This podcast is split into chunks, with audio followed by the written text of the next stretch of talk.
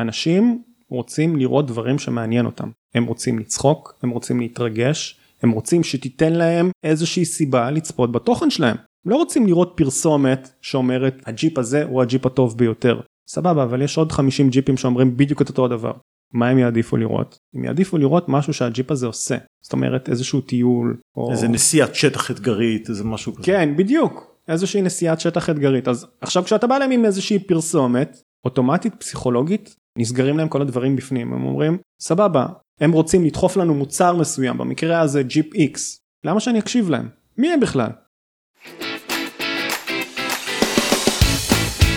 אנטי מרקטינג, פודקאסט על שיווק, תוכן ומה שביניהם, עם ליאור ברקן ואדי קנבסקי.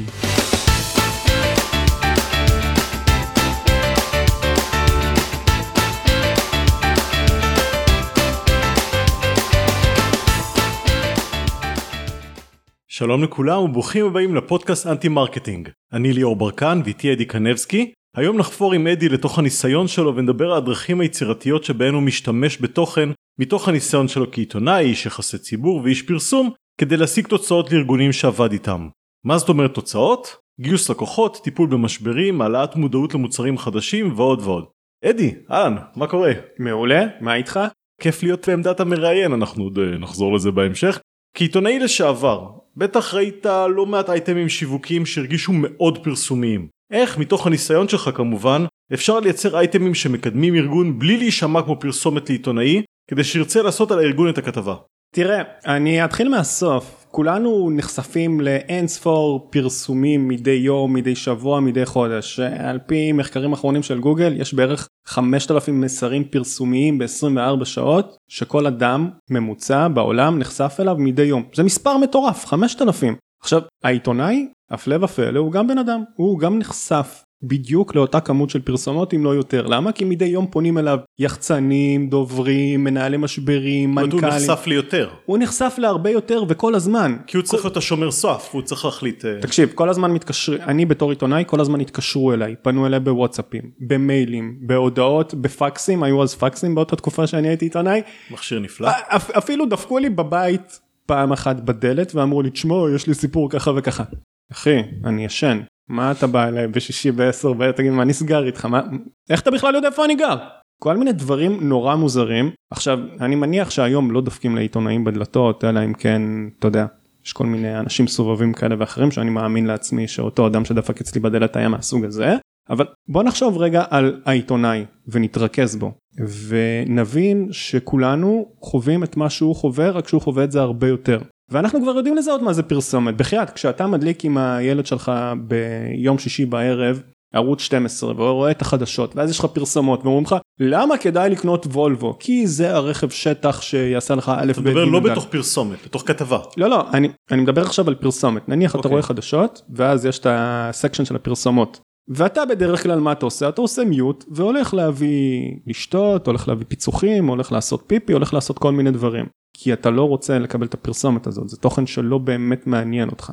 אלא אם כן זו פרסומת שהיא מאוד מושקעת ומאוד יצירתית ומאוד מצחיקה. אותו דבר עיתונאים הם לא רוצים לקבל ממך כארגון כשאני אומר ממך mm-hmm. זה גם המאזינים שלנו כמנהלי ארגונים מנהלי מנהלי שיווק מנהלי שיווק הם לא רוצים לקבל מהארגון שלך את הכותרת המוצר הטוב ביותר בישראל יצא היום לשוק לא מי קבע שזה המוצר הטוב ביותר בישראל מי קבע שהוא, אה, אה, למי אכפת שהוא יצא היום לשוק? אלא אם כן יש לך באמת הוכחות שבאות ואומרות. נכון, אם יש לך מחקר שעשית עם אה, חברת מחקרים, עם רפי סמית למשל, בסדר? שבדק מי המוצרים הטובים ביותר בשוק הישראלי ומצא שהעט שלך הוא העט הטוב ביותר שקיים של קרביץ סבבה? אז אתה יכול להפיץ לעיתונאים שקשורים לנושא הזה של צרכנות וכאלה את המחקר עצמו ואז להגיד על פי מחקר רפי סמית עט של קרביץ העט הכחול דווקא הוא הטוב ביותר שיש. וזה כבר משהו אחר. זה לא אתה נותן סופרלטיב לעצמך זה בעצם אתה משתמש במחקרים שעשו אחרים במידה ויש להם באמת את התדמית. מישהו חוקר כמו רפי סמית אז יש לו תדמית אוקיי? אז יעניין את העיתונאי אם זה באמת מעניין אותו. אז זה דבר ראשון. ודבר שני תחשבו מה אותו עיתונאי היה רוצה לקבל. מה תחומי העניין שלו במה הוא מתעסק. אם הוא כתב חינוך הוא לא היה רוצה לקבל uh, סיפורים שקשורים לספורט ולהפך. אם הוא כתב ספורט הוא לא רוצה לקבל דברים שקשורים לחינוך שאתה אנסת אותם במרכאות כדי שיהיו קשורים אליו. אתה יודע פעם דיברתי עם איזשהו עורך בכיר מאוד בכלי תקשורת דתי שעורך כמה כלי תקשורת בעצם בו זמנית. הוא סיפר לי תשמע אחי אני מה זה אוהב לעבוד איתך? אמרתי לו למה? כי אתה מביא לי אייטמים שקשורים לעולם הדתי. אני אומר לו נו אבל אתה עיתונאי דתי ברור מה אני אביא לך על אה, מועדוני חשפנות. על, אה, על בדיוק על אה, סקס באמסטרדם? אומר לי תתפלא. יש אנשים שמייצגים את טיב טעם למשל שאני מאוד אוהב את טיב טעם לא נפגע בהם.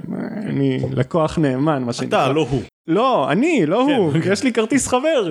אבל למה שאני אשלח לו אה, אה, משהו שקשור לטיב טעם? כעיתונאי דתי. והוא מספר לי את הסיפור הזה ואני אומר לו אחי מה באמת? מה אתה רציני? כאילו שיש יחצנים שעושים את זה? אומר לי כן תתפלא. עכשיו אותו יחצן יכול להיות יחצן של טיב טעם היום בבוקר ומחר בערב יש לו לקוח נוסף שהוא לא יודע מה מייצג משהו אחר שקשור לעולם הדתי אבל השם שלו לא השתנה אוקיי השם של הבן אדם אני מתכוון אז מאותו מייל הוא שולח בבוקר לעיתונאי הדתי משהו שקשור לפרסומת לטיב טעם והוא מתעצבן עליו וביום למחרת כשהוא באמת צריך לשלוח לו מוצר שרלוונטי לאותו אדם דתי הוא כבר לא יקבל ממנו הוא יעביר את זה לספאם.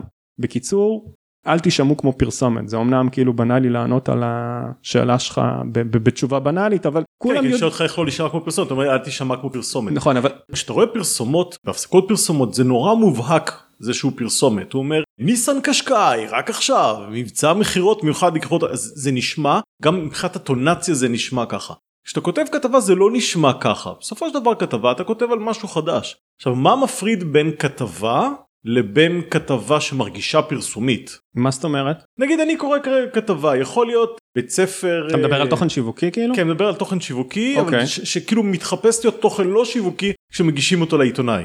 אני בתור עיתונאי אם אני מסקר תחום מסוים אז אני רוצה לדעת על התחום הזה כמה שיותר בין אם זה מחקרים ובין אם זה מוצרים חדשים שיצאו ובין אם זה סיפורים אנושיים ובין אם זה מלא דברים אחרים. אבל הם צריכים להתאים לאג'נדה שלי. כלומר אם אני עכשיו בישראל היום למשל אז יש לי אג'נדה אחרת מאשר לעיתונאי מידיעות אחרונות או מוויינט למה? כי אנחנו חיים בעולם כזה שלכלי תקשורת יש גם בעלים ולבעלים יש את האג'נדות שלהם ואין מה לעשות זה גם יש להם גם את הלקוחות שלהם שמפרסמים אצלם. נכון זה גם מחלחל למטה לעיתונאים אז צריך להכיר גם את העיתונאי וגם את כלי התקשורת שהוא עובד בו וגם את העורך שנמצא מעליו כי מעבר לאג'נדה של אותו עיתון יש גם עורך עכשיו בסופו של דבר אם כתב מסוים רוצה לפרסם איזשהו סיפור אז הוא צריך לעבור את העורך שלו לפני שהוא מפרסם אותו כי העורך בסוף נותן אור ירוק.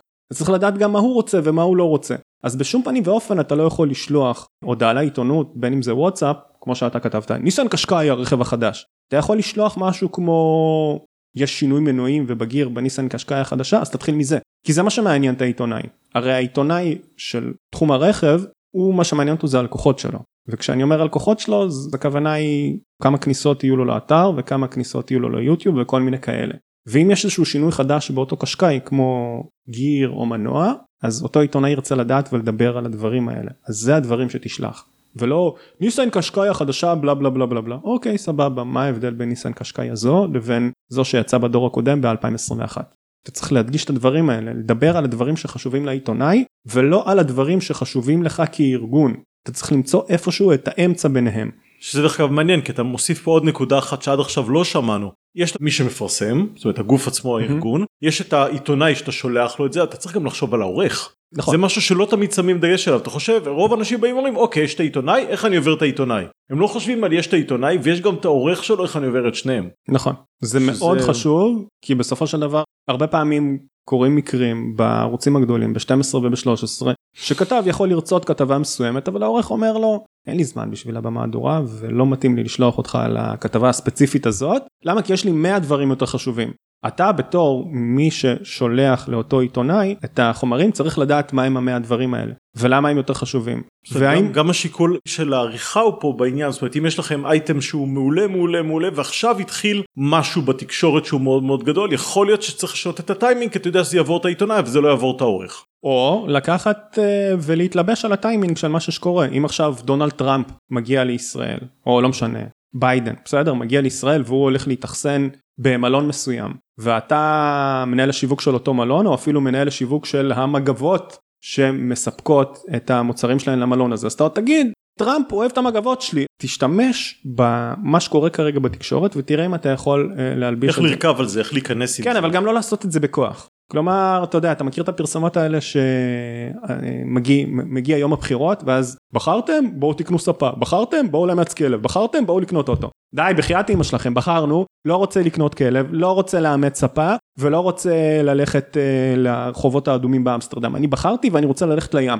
חלאס כבר עם הדברים השחוקים האלה וזה משהו שאנחנו לא רוצים לעשות. למה? כי זה אוטומטית מגיע לספאם של אותו עיתונאי כלומר לא אוטומטית הוא פשוט צריך לעשות קליק ואז זה בספאם. וסביר להניח שאם תשלח לו דברים נוספים בהמשך אז הוא יגיד אה ליאור וואי איזה דבר הוא אין לו שום מושג בתקשורת שעזוב אותי בשקט אני לא רוצה בכלל לקבל מיילים ממנו ולשם אתה לא רוצה להגיע. עכשיו אדי, היית לא מעט שנים איש יחסי ציבור. אנחנו רואים בעיקר בתקופה האחרונה לא מעט גופים שנקלעים למשברים תקשורתיים, רובם הגדול יוצא מזה אם בכלל בשן ובעין. עכשיו, כמובן שאתה לא יכול לספר לנו פה מתוך הניסיון שלך כי אלה דברים חסויים ולא נרצה לפגוע באף לקוח שלך. אני רוצה שתספר לנו בכלליות יותר איך היית ניגש לטפל במשבר, רק שהטריק פה, איך היית ניגש לטפל במשבר באמצעות שימוש נכון בתוכן. תראה למשברים יש בעצם ספר חוקים שכל מי שמנהל משברים צריך פחות או יותר לדעת אותו בעל פה ואם אתה מעיר את הבן אדם בשתיים בלילה הוא צריך לדעת מה הולך לעשות. אז תן לנו את זה ככה בבריף של שנייה. אז, אז, אז לפני הבריף, לפני הבריף, אני רוצה לבוא ולהגיד שמשבר לא מתחיל עם המשבר עצמו, הוא מתחיל הרבה לפני. מה זאת אומרת? אם אתה מנהל שיווק או דובר של בית חולים, אז אתה צריך לדעת שיכול לקרות מצב שאחד הרופאים שלך יהיה חלילה אשם באיזושהי תאונה בניתוח שבה החולה יאבד רגל או ימות וכל מיני דברים כאלה. מה אתה עושה במקרים כאלה? עכשיו אתה צריך לדעת את הדברים האלה לא כשהם קורים ושנייה אחרי זה לדעת איך להגיב. ברמת העיקרון, ברמת המקרו. אם חולה מידרדר לנו וחלילה מת בשולחן הניתוחים, מה אנחנו עושים? איך אנחנו מגיבים? אנחנו מתנצלים? אנחנו לא מתנצלים? אנחנו דוחים את הטענות? לא דוחים את הטענות? הדברים האלה צריכים להתקבל ברמת המקרו מבעוד מועד. ויש לך עוד עשרה דברים שיכולים לקרות. אבל נג... שנייה, נגיד... מה קורה אם יש הטרדה מינית? נגיד ש... נגיד רגע, נגיד שמשהו עוד לא קרה, ונגיד שאתה נמצא באיזשהו ארגון ש... שכל מיני דברים יכולים לקרות בו. איך אתה ניגש? איך אתה ניגש למפות את כל הדברים? הרי אתה, אתה צריך לצפות את הבלתי ניתן לציפייה ואת מה שניתן לציפייה. אתה צריך עכשיו ללכת לעבור איש מקצוע איש מקצוע את כל הארגון כדי לדעת מה... לא, לא בדיוק. אם אתה שטראוס למשל, אוקיי. אז אתה יודע שיכול לקרות משהו שיקלקל את המוצר שלך, בין אם זה את השוקולד ובין אם זה את הגלידה. לאו דווקא ציפורים יעשו קקי לתוך השוקולד, אלא שלא. משהו ש... בדיוק, אלא משהו שיגרום לאחד המוצרים שלך להתקלקל. אתה צריך לדעת מה התוואי שלך בזמן הם כאילו הרבה לפני כדי לדעת מה אתה הולך לעשות. אתה שם את כל הדברים האלה בצד בזמן אמת, אבל בראש שלך אתה יודע בדיוק מה אתה הולך לעשות. עם מי אתה הולך לדבר שמשהו קרה. נגיד קרה משהו ב... סתם דוגמה בשטראוס, סבבה, אה, אה, טורטית או אנא ערף זה, זה עילית בכלל, אז טורטית חזרה ויש ריקול כי יש משהו מקולקל בתוך זה. עם מי בתוך הארגון אתה הולך לדבר? האם עם המנהל מוצר, עם המנהל ייצור, עם המנכ"ל? אתה צריך לדעת קודם כל כמנהל משברים מה באמת קרה, כדי לדעת האם להתנצל, האם השאלה להפריך את שלי הטענות. אם יש לך איזשהו סדר פעולות מוכן שאתה... יש, אז, אז אוקיי. אני אומר שהסדר פעולות הוא מתחיל עוד לפני שקרה המשבר. אני אתן לך דוגמה ואני אספר בסיפור. הייתי דובר של עירייה מסוימת, סבבה? אוקיי. על היום הראשון, על היום השני, התחלתי להסתובב בכל הארגון ולדבר עם כל המנהלים, אוקיי? עם כל המנהלים של הארגון ולראות איך הם מתבטאים, מה חשוב להם, מה לא חשוב להם. הסתובבתי עם פנקס. אז הייתי רושם נגיד, דוד, מנהל החזקה, וואלה, דוד גבר, הוא מדבר מעניין, אותו צריך לשים בטלוויזיה. משה? לא, לא, משה לא יודע לדבר עברית, או שהעברית שהוא מדבר בה, לא נראה לי שהוא למד אה, בבית ספר, נראה לי הוא סיים כיתה ח' וזהו. לא, ניתן לכתוב בעיתון, זאת אומרת, אני אשאל אותו את השאלות ואני אנסח במקום את התשובות. זה המדיום הוא המסר בעצם של מרשל מקלואן. ואז אני מגיע למישהו מאוד מאוד מאוד מאוד מאוד מאוד בכיר בעירייה, אוקיי? הפקידה שלו מכניסה אותי לכיסא, אני מתיישב, ואז אני רואה שלבן אדם אין מחשב, אוקיי? אין לו טלפון. הוא מבוגר, ויש לו מין מכשיר כזה, אני לא יודע אם הצופים או מאזינים רואים, אבל מין מכשיר פלסטיק כזה גדול, שעומד לו במרכז השולחן העצום שיש לו. הוא פשוט צריך ללחוץ עליו, זה מין כפתור אדום כזה, הוא לוחץ עליו, וכל מה שהוא רוצה, הוא פשוט קורא למזכירה שלו, עליזה תביאי לי קפה, דוד תכניס לי את המסמכים, "אה, תקריא לי את המייל של זה. ואני מסתכל עליו, סיפור אמיתי. סיפור אמיתי לגמרי. אוקיי. מה, נראה לך שאני יכול להמציא סיפור כזה? בוא, בחייאת, עם כל הכבוד ליצירתיות שלי, אני לא יודע להמציא סיפורים כאלה. אני מסתכל עליו ואני אומר לו, מתחיל לשאול אותו שאלות, כאילו, לארגון וזה, והוא עונה לי בלי קשר, בלי שום קשר למה שאני שואל, הוא עונה לי על מה שבא לו לענות לי, ולפעמים הוא לא עונה לי, כן עונה לי, ותוך כדי, עליזה תכניסי לי קפה. ואני כזה מסתכל, או oh, fuck, מה אני עושה עם הבן אדם הזה עכשיו, אם מגיעה התקשורת? אז היה לי דוד... לוחץ על הכפתור ואומר, עליזה תוציא את התקשורת מפה. אז, אז מה שכתבתי, דוד, מופיע מעולה בטלוויזיה, משה, יהיה סבבה בעיתון אחרי שאני מה שנקרא אשנה ואנסח מחדש את מה שהוא אמר לי. בן ציון? וואו וואו אותו כשמגיע התקשורת אני מחביא בארון סוגר עם מנעול לוקח את המנעול איתי וזורק לים. מוריד את החשמל של המערכת כריזה קטנה שלו ו... עכשיו הוא גורם מאוד מאוד בכיר בתוך הארגון הזה תבין זה, זה, זה אחד מהטופ פרי של מנהלי הארגון ובמקרה הראש עיר מת עליו אז הם אומרים לי אם התקשורת מגיעה הוא מתראיין מה אתה עושה במצב כזה עכשיו את זה אתה צריך לדעת לפני המשבר נכון לפני שפורץ המשבר ומשהו קורה ואתה שולח אותו ולא ידעת שהוא מדבר בצורה כזאת אתה צריך לדעת את הדברים האלה הרבה לפני. עכשיו אני יודע שהוא לא מתראיין, אז אם דוד מתראיין מצוין בטלוויזיה, כשיהיה משבר, אנחנו קודם כל שולחים את דוד להתראיין, אוקיי? זה הרבה לפני, זה כאילו הביפור. תוך כדי המשבר, דבר ראשון אתה צריך לדעת כמה שיותר מהר מה קרה, מי אשם, למה קרה ומה אפשר לעשות. אז המה קרה הוא כאילו די ברור כי הוא משתנה בין ארגון לארגון, אבל המי אשם זו שאלה שהיא מאוד טריקית. אם הארגון אשם, אז אתה חייב לקחת אחריות, להתנצל ולעשות עם ההתנצלות הזאת משהו, אוקיי? אבל לקחת אחריות מהלב. אתה לא יכול לקחת אחריות כדי לשים וי ולהגיד אנחנו מתנצלים אם מישהו נפגע מהאמירה הזאת והזאת. לא, זה לא נקרא להתנצל. זה נקרא לכסתח את עצמך ולזרוק את כדור האחריות על מישהו אחר. ואם נגיד עומד המנכ"ל בחליפה ואומר אנחנו ככה במלא פתוס אנחנו מתנצלים מקרב הלב שלנו על זה שארבעה ילדים מתו כתוצאה מתחליף המזון לתינוקות שלהם זה ישכנע את הקהל זה לא תמיד. זה יותר מאשר אם זה יהיה שם מדוקלם. אבל... עוד פעם 99% מהמקרים של המשברים זה לא ארבעה תינוקות שמתו ברמדיה.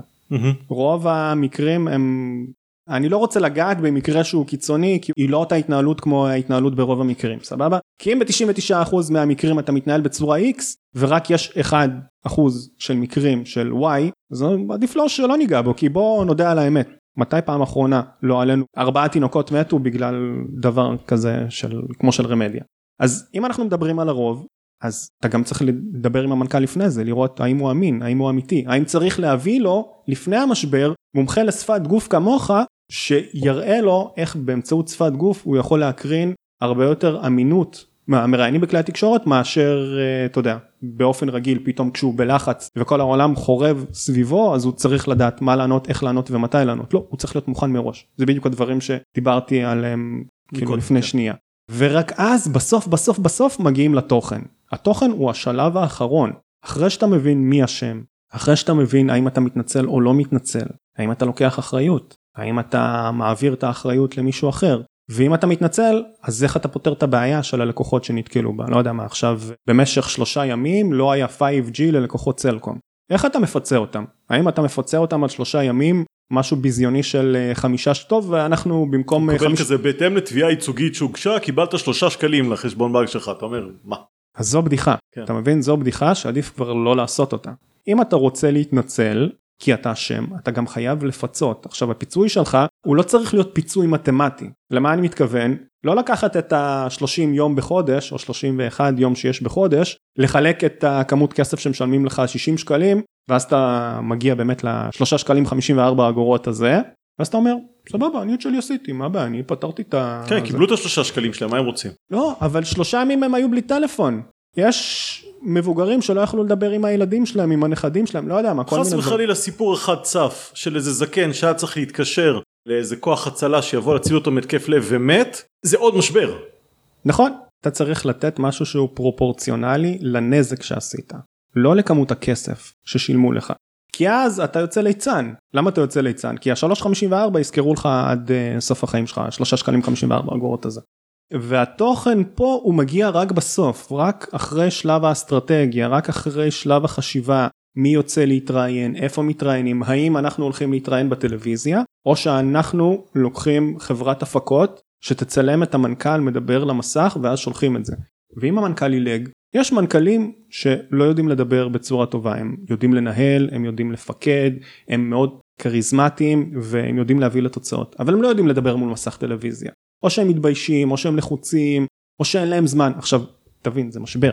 הוא צריך לטפל עוד בארבעת אלפים ואחד דברים אוקיי? במהלך המשבר הזה. ועכשיו אתה מנחית עליו גם את התקשורת. אז הוא יכול להגיד לך כן כן כן כן אבל בתוך תוכו הוא יהיה מאוד מאוד לחוץ ואז אמירה לא נכונה מול כלי תקשורת יכולה לגרום למשבר נוסף. אז יכול להיות שתצלם וידאו ותשלח את זה as is לעיתונאים.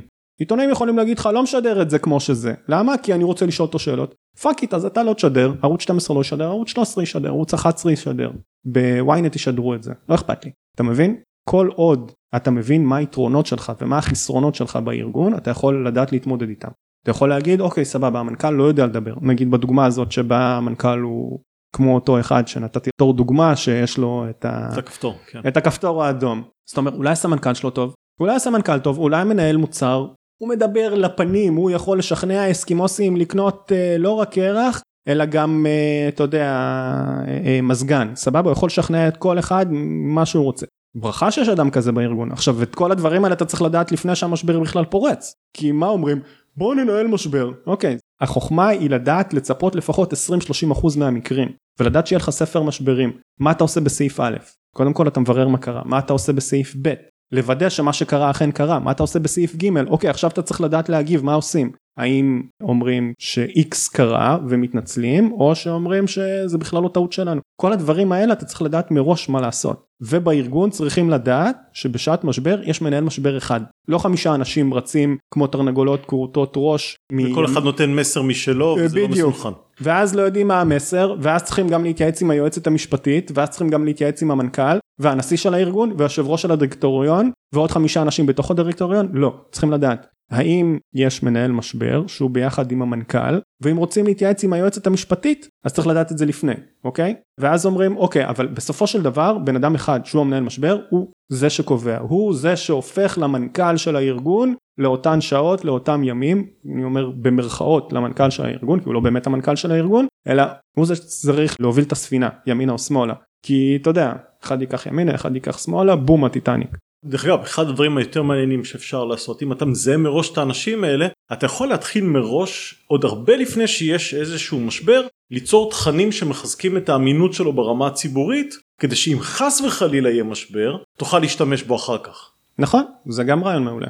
אנשים אבל לא הולכים עד לשם אתה מבין מנהלי משברים לרוב סבבה אז אנחנו יודעים כי הם עסוקים בכיבוי שרפות אבל אם המנהל משברים הוא גם נגיד אה, האיש יחסי הציבור או הדובר לאורך זמן הוא יכול לפתח אסטרטגיה שהיא לא אומרת יש לי רק תוכניות מגירה אלא יש לי תוכנית לשוטף ועליה אני יכול להלביש משהו במידה ומשהו קורה. וגם אז מי שאוחז במושכות המנכ"ל של הארגון צריך להקשיב צריך להבין למה כרגע לזוז הצידה ולתת למנהל משבר לנהל כי זה לא היום יום שלך. זה לא שאותו אה, אה, אה, מנכ"ל זה לא הסמוך רגיל יש פה איזה משהו שהוא יוצא דופן. אתה יודע יש למשל לקוחות שלי בעבר בהווה שמנכ"ל מתקשר לך ואומר לך טוב תעשה מול התקשורת א' ב' ג' ד' דוד עשיתי את זה כבר לפני חצי שעה. זה כבר טופל.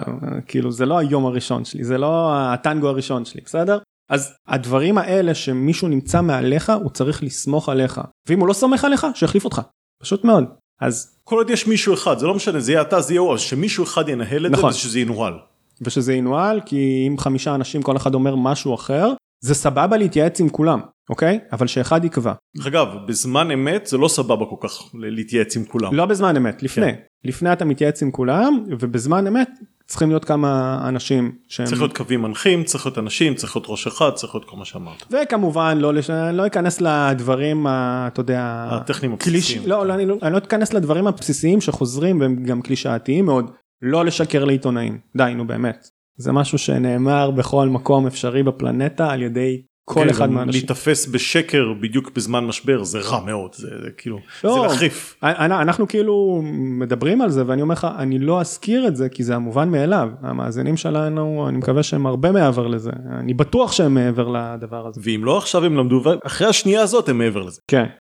אדי עבדת די הרבה עם פוליטיקאים המון עם פוליטיקאים ברמה הארצית עכשיו אני לא סתם מעלה את זה כי אנחנו רגע לפני בחירות ויש תחושה שכבר מיצו הכל והאמינות של הפוליטיקאים קצת בקאנטים. איך היית ניגש לקדם פוליטיקאי דווקא בתקופה הנוכחית כשזו דעת הקהל עליהם?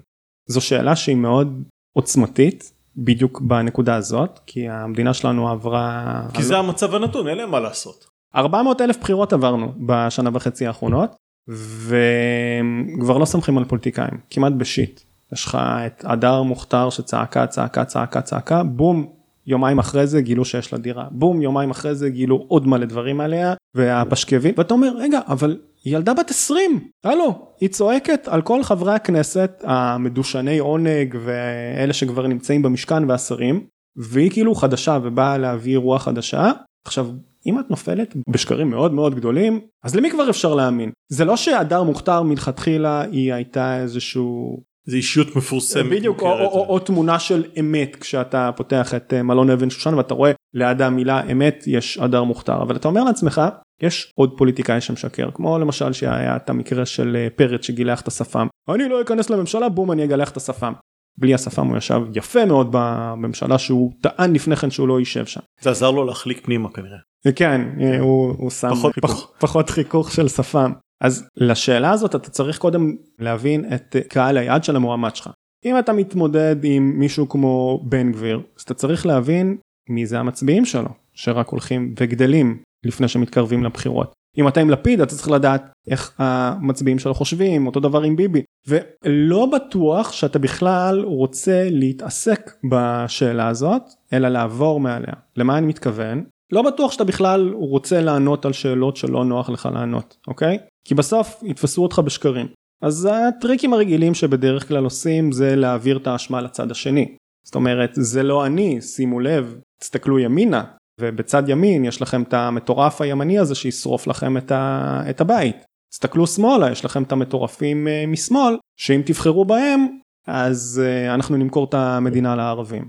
הדבר הזה של ההפחדה הוא עובד מאוד מאוד חזק על uh, ציבור בוחרים. היית משתמש בזה גם על פוליטיקאי חדש שהוא עוד לא מוכר? כי זה משהו שנגיד יכול לעבוד לי אם אני יאיר לפיד אז אני אומר נגיד לא הייתי פוליטיקאי לפני דקה נגיד אז בבחירות הראשונות שלו אבל הייתי בן אדם מאוד ציבורי ומאוד מאוד Mhm. מוכר אז אז ידעו למה לבחור בי בגדול ולמה אוהבים אותי כי פחות או יותר הכירו את הערכים שלי ומה זה ישראלי בעיניך? הבן שלי יאיר שהיה את הרעיון עם טומי לפיד. אז זה היה כן מוכר אבל השאלה היא זה מספיק לדעתך שבן אדם לא מוכר יבוא ויגיד אה, הם הרעים ההוא ימכור את זה ההוא יחלק את זה. לא בפוליטיקאי חדש הסיפור הוא אחר לחלוטין. קודם כל אתה מתחיל מסקר. להבין מי קהל היעד של אותו פוליטיקאי. האם הוא מדבר על נושאים מאוד מאוד חשובים או שהוא מדבר על נושאים איזוטריים. אתן לך דוגמה. היה בעיר אחת בבחירות הקודמות בעיר אחת שאני עבדתי בה פוליטיקאי די חדש שהחליט שמה שמעניין את תושבי העיר זה הקקי שעושים בעלי החיים בגינה הציבורית. עכשיו זאת לא תל אביב אני אגלה סוד העיר הזאת לא הייתה תל אביב זו הייתה עיר פריפריאלית והדבר האחרון שמעניין ציבור הבוחרים בעיר פריפריאלית זה הקקי ביום שעושים הבחירות. ביום הבחירות אולי בשוטף כן. אבל כן. לא גם לא בשוטף אם אתה תיתן להם רשימה של בעיות לרשום שיש בעיר הזאת אז אנחנו נתחיל מחינוך ומחסור בעבודה ותרבות ופוליטיקאים לא אמינים ושקיפות 100 בעיות הם יכולים להעלות על הכתב. את הבעיה של הקקי יעלו לא יודע מה אולי עשרה אנשים וגם היא תהיה הבעיה מהווה אחת. אז בשביל זה נועד הסקר. צריך לדעת מהן הבעיות המרכזיות ואז הפוליטיקאים אומרים לך תשמע אדי אני יודע טוב מאוד מי הציבור הבוחרים שלי ואני יודע איך לדבר אליו. לא אחי אתה לא יודע. למה? כי לא שאלת אותו אף פעם. זה שהיית בחוג בית של 25 אנשים ושניים מתוכם ניגשו אליך בסוף חוג הבית ואמרו לך הקקי של הציפורים או של הכלבים מפריע לי מאוד. ואז אמרת "אמ, אני ארשום את זה אני חכם אני אכתוב את זה. ואז אני אבוא למנהל קמפיין שלי ואני אגיד לו שזו הבעיה העיקרית. לא זה לא. תעשה סקר. תדע מי אתה מה אתה מה האחוזים הצפויים שלך לקבל כרגע כשאתה לא מוכר ואז אני כמנהל קמפיין יושב עם אותו מתמודד ושואל אותו מה חשוב לך? במה באמת חשוב לך לטפל? מהם הנושאים הבוערים שלך? אז אנחנו רושמים חמישה שבעה נושאים ואז לוקחים חמישה שבעה נושאים מקהל הבוחרים הפוטנציאלי שלו מהבז"בים בעלי זכות בחירה ואומרים אוקיי בוא נמצא את המשותף ביניהם. אם לקהל שלך חשוב לקדם את נושא התרבות ואתה קומיקאי שהתרבות מאוד חשובה לו לא יודע מה זלנסקי נגיד אז וואלה בוא נרוץ על הדבר הזה. סבבה זה בגדול ממש ברמת המקרו כדי למה שנקרא לראות מה אפשר לעשות עם אה, פוליטיקאי חדש. במהלך השנים הפקת לא מעט תכנים שהמטרה שלהם הייתה לקדם ארגונים שעבדת איתם מבלי שירגישו יותר מדי פרסומיים שזה זה קטע טריקי. למה שארגון יפיק תוכן ולא פרסומת? אנשים רוצים לראות דברים שמעניין אותם הם רוצים לצחוק הם רוצים להתרגש הם רוצים שתיתן להם איזושהי סיבה לצפות בתוכן שלהם לא רוצים לראות פרסומת שאומרת הג'יפ הזה הוא הג'יפ הטוב ביותר. סבבה אבל יש עוד 50 ג'יפים שאומרים בדיוק את אותו הדבר. מה הם יעדיפו לראות? הם יעדיפו לראות משהו שהג'יפ הזה עושה. זאת אומרת איזשהו טיול. או... איזה נסיעת שטח אתגרית איזה משהו כזה. כן בדיוק איזושהי נסיעת שטח אתגרית אז עכשיו כשאתה בא להם עם איזושהי פרסומת אוטומטית פסיכולוגית נסגרים להם כל הדברים בפנים הם אומרים סבבה הם רוצים לדחוף לנו מוצר מסוים במקרה הזה ג'יפ איקס למה שאני אקשיב להם מי הם בכלל הם רוצים למכור הם רוצים להתעשר עליי ברור שזה מה שהם יגידו למה הם שיגידו משהו אחר ראית פרסומת שאומרת המוצר שלנו חרא אל תקנו אותו בעצם כן יש פרסומות כאלה אבל זה כאילו פרסומות מתחכמות כאלה של אין לך אומץ לקנות את השטיח הזה. אתה פאקינג שטיח וזה עבד על אנשים. עכשיו אנחנו לא בשנות התשעים אנחנו בשנת כן, 2022. עברנו כמה דברים מאז. לכן איך שאני רואה מנקודת מבט מקצועית את הדברים לייצר תוכן שמעניין את קהל היעד שלך יעבוד הרבה יותר טוב. תראה איך אנשים היו מכורים. היינו בחול המועד אצל המשפחה בטבריה ואחיינים אחים כולם היו שם. יצאתי לקנות כל הבירות. אני חוזר ואני רואה את התמונה הבאה כולם יושבים ככה עם טלפונים. כולם כולל כולם פשוט יושבים מול הטלפונים. וזה היה משהו מטורף ואתה אומר לעצמך הם הרי בטלפון צורכים תכנים. מהמם. וכל אחד אחי שגדול ממני יש לו תוכן מסוים שהוא צורך. אני תוכן אחר אתה תוכן אחר בת הזוג שלי תוכן אחר אמה הבת שלי בת ארבע צורכת יוטיוברים שלא יודע מה שעושים דברים מגניבים וממתקים בסדר? זה מה שהיא אוהבת.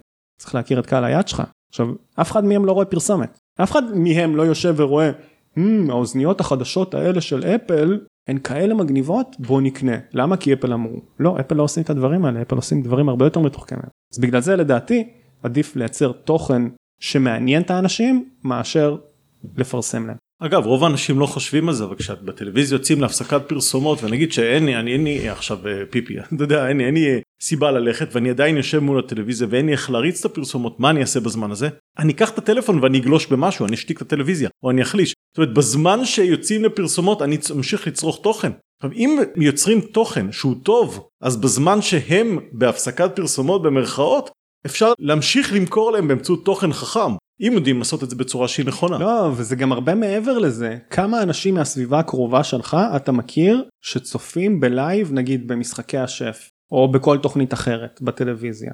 למה לא לראות את אותה התוכנית היום זה כבר אפשרי כמעט עם כל ממיר בין אם אתה ב-yes ובין אם אתה בהוט או כל חברה אחרת. משחקי השף התחילו בתשע נגמרו בעשר בעשר ודקה אתה מתחיל לצפות למה כי אתה יכול להעביר את כל הפרסומות ווואלה יש שם ים של פרסומות להעביר.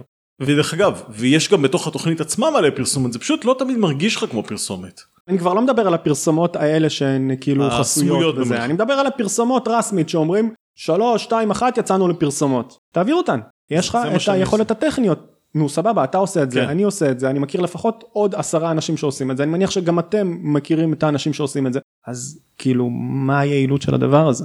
ובאופן יחס כמובן שיש לזה יעילות אני לא אגיד שזה לא יעיל בכלל כן כי גם מני אברהמי מנכ"ל חברת יפעת שישב כאן בפודקאסט הזה והתארח והיה אחלה גבר דיבר איתנו על מחקרים שאומרים שהפרסומות בטלוויזיה עדיין עובדות הם בייחוד ראו את זה ב live זאת אומרת הם ראו את זה כן. בייחוד להעלאת התודעה בין אם זה החדרת מוצר חדש לשוק או כל דבר אחר.